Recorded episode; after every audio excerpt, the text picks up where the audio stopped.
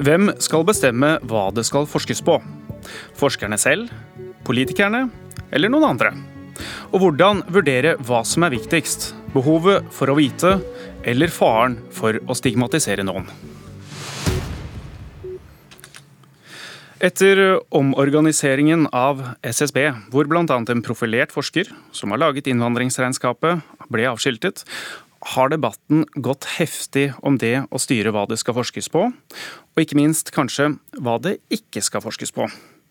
Gunn Elisabeth Birkelund, du er professor ved Institutt for sosiologi og samfunnsgeografi på Universitetet i Oslo.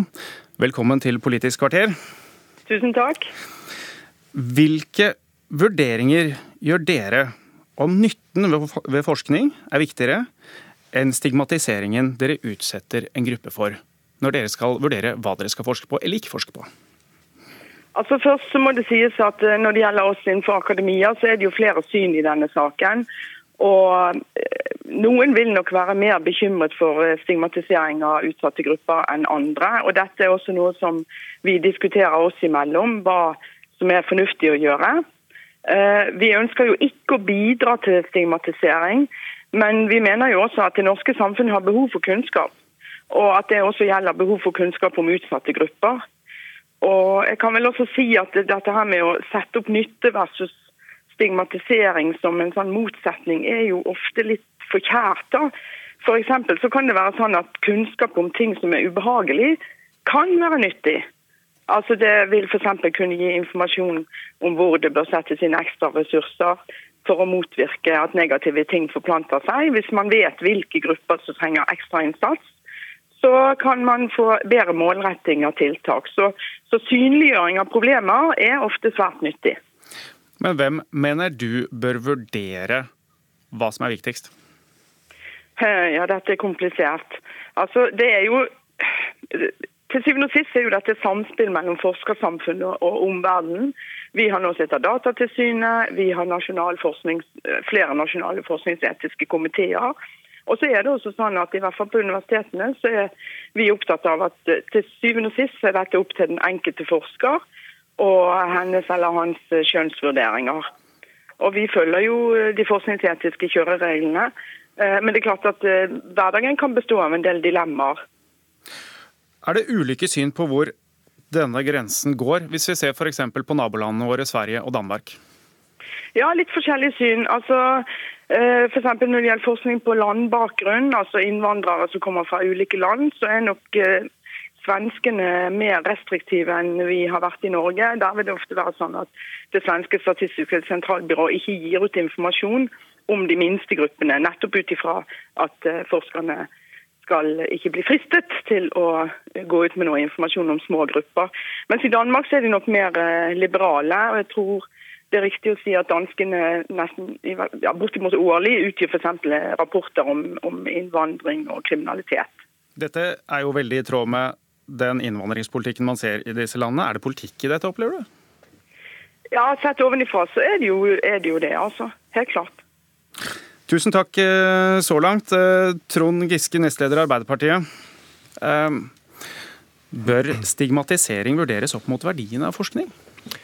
Ja, jeg mener at det er en etisk problemstilling i forskning eh, hvordan det går utover mennesker. Vi eh, har et eksempel fra skolesektoren som eh, vi har jobba med. at du forsker ikke på å offentliggjøre karaktersnitt på skoler som stigmatiserer enkeltelever. Du skal ikke henge ut folk. Men du kan gjøre det på et mer eh, makronivå. Og Det er litt sånn, sånn som beskrevet her. Hvis eh, folkegruppa blir så liten at det blir veldig stigmatiserende, så er det mer trøblete enn om det er på et større nivå.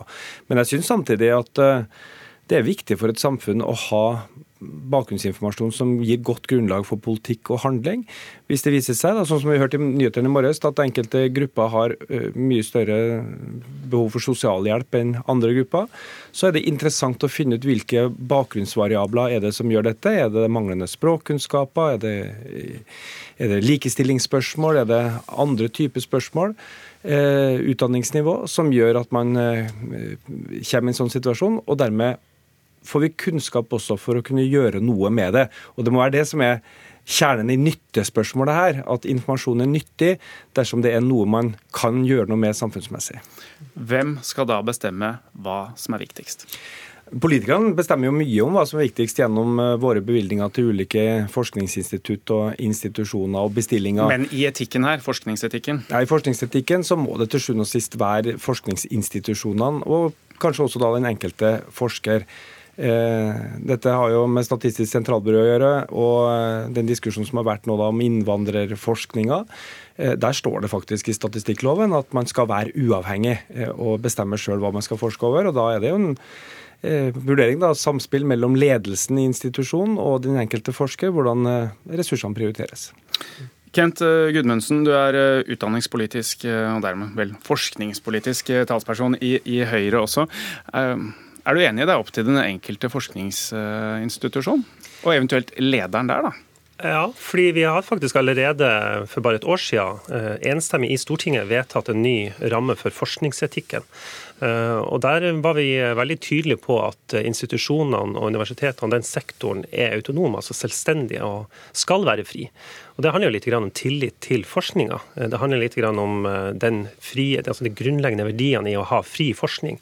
Og de ja, fordelene det medfører seg når du skal inn og være kreativ og kanskje bryte noen barrierer for å få ny kunnskap som gjør at vi kan videreutvikle samfunnet vårt og få et mer bærekraftig velferdssamfunn.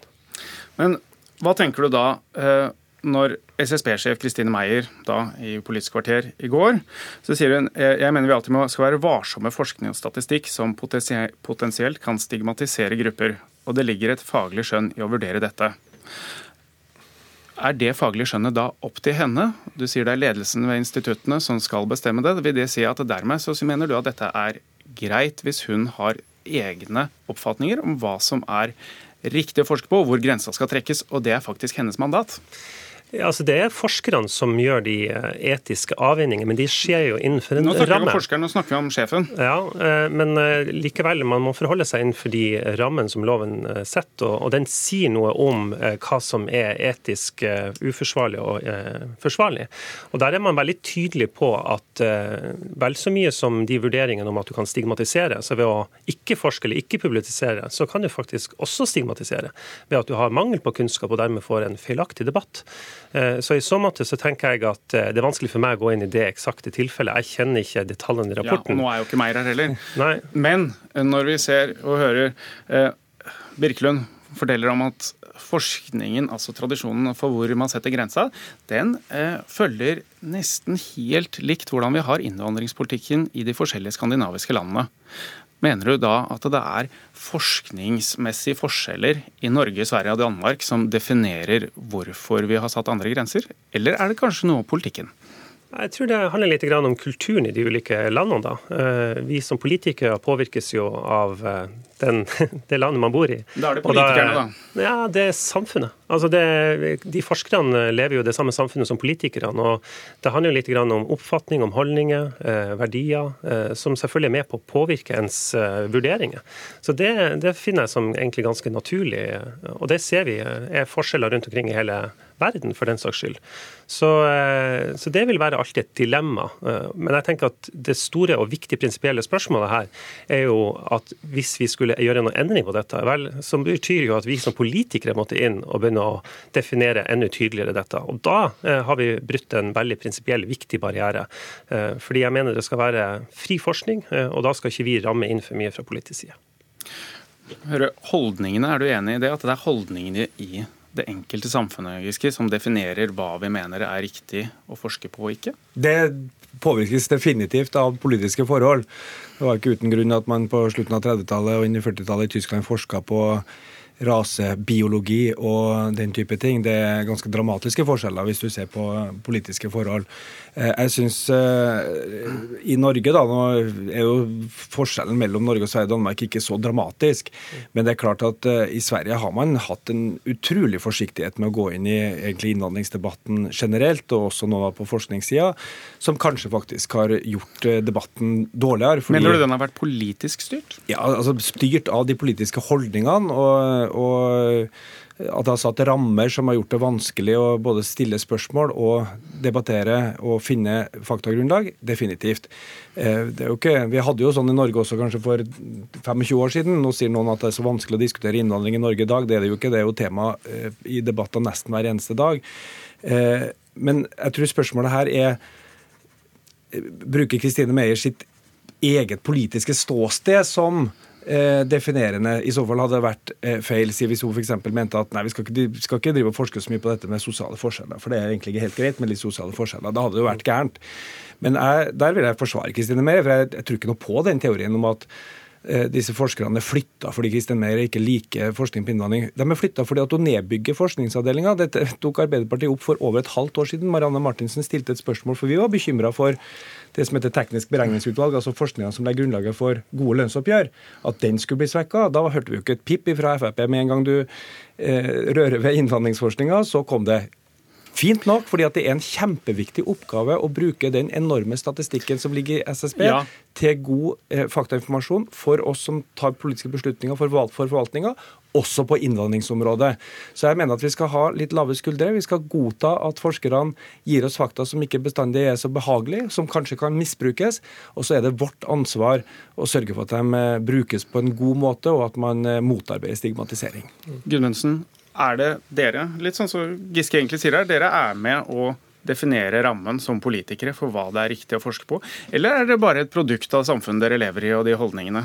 Nei, vi, eh, vi, setter jo ramme i den forstand at som Giske selv var inne på her, eh, vi legger budsjetter. Sant? Vi har eh, politiske debatter. Vi, vi legger rammen på den måten.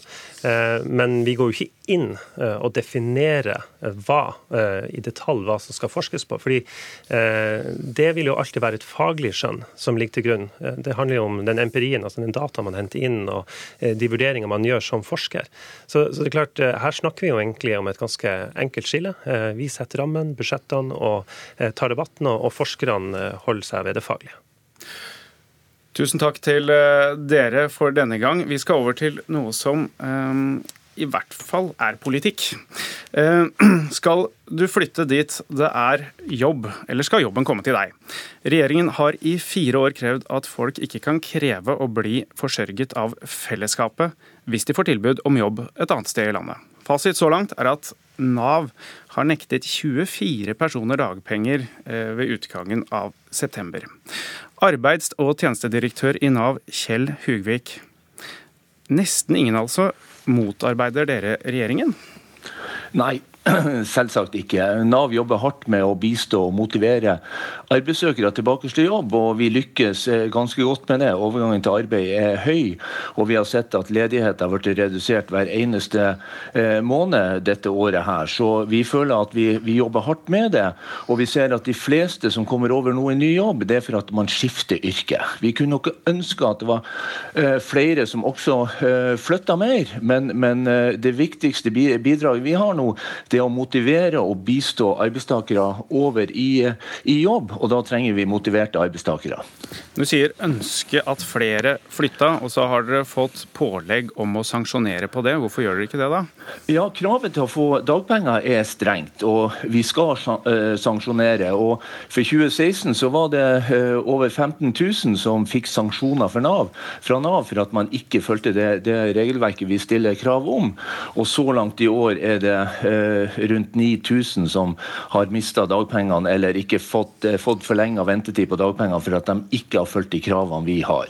Eh, når det kommer akkurat til, eh, til det å flytte hvor som helst i landet, så er det et lite tall som har fått sanksjoner på det. Men det er også for at det kan være vanskelig å dokumentere. For å, for å dokumentere at man ikke er, er villig til å, å, flyttes, så må vi faktisk ha en dokumentasjon fra en arbeidsgiver som gir da den informasjon om at personen ikke var villig til å ta imot eh, jobben. Og Det kan ofte være vanskelig. og Også i møte med den arbeidsgiveren. Så for å få en jobb En arbeidsgiver den er opptatt av en motivert søker, og det er ofte nøkkelen til å få jobben. Veldig kort, er flyttekravet dårlig eller bra? Flyttekravet er veldig bra. Langt flere burde flytte. Det er mye bedre å flytte på det geografisk for å komme i jobb, enn å gå eh, ledig eh, over lang tid. Tusen takk eh, til deg, Kjell Hugvik. Dette var Politisk kvarter i dag ved Trond Lydersen.